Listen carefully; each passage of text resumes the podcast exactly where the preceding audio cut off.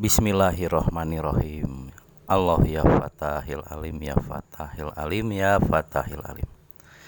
Mari kita belajar tentang ngaji diri. Ngaji diri itu adalah mempelajari diri sendiri Mempelajari apa yang terjadi pada diri sendiri Baik secara dohir maupun secara batin. Apa gunanya ngaji diri itu? Gunanya yaitu untuk mengorek dan mempelajari apa sebenarnya yang terjadi, apa sebenarnya yang Allah inginkan bagi manusia, sehingga manusia menyadari dirinya sebagai ciptaan, dan ada sesuatu kekuatan halik, kekuatan Allah yang Maha Menciptakan. Pertama kali yang dipelajari dari ngaji diri itu yaitu mempelajari gerakan-gerakan yang ada dalam tubuh manusia. Ada tiga gerakan utama, gerakan kekuatan yang sangat mempengaruhi manusia. Yang pertama yaitu disebut kadar. Kadar itu adalah mutlak Allah yang menggerakkan. Contohnya detak jantung.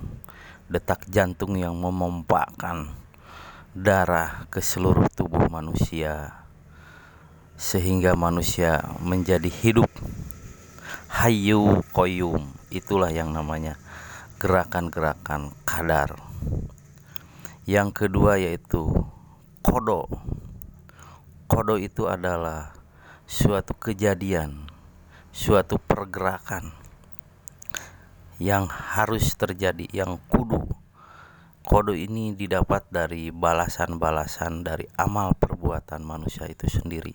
Karena arti dari kodo itu adalah uh, balasan atau pengganti. Setiap manusia mengkodo atas segala amal perbuatannya. Ketika manusia berbuat baik, dia akan mendapatkan kodok kebaikan pula.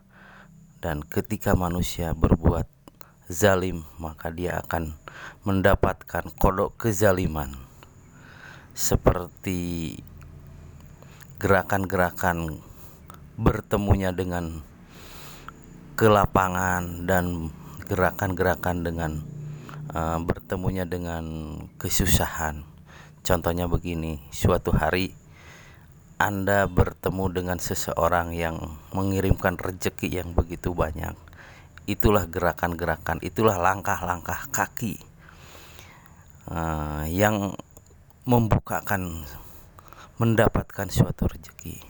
Ya contoh lainnya umpamanya seseorang atau uh, Anda melangkah kaki bertemu dengan begal atau apa pun kejaliman itu adalah gerakan-gerakan uh, kodok untuk bertemunya dengan kesusahan. Nah, itulah dua gerakan pertama, gerakan kodok dan gerakan kadar yang ditentukan oleh Allah. Allah yang maha qadirul muqtadir, yang maha menggerakkan, yang maha menentukan segala ketentuan.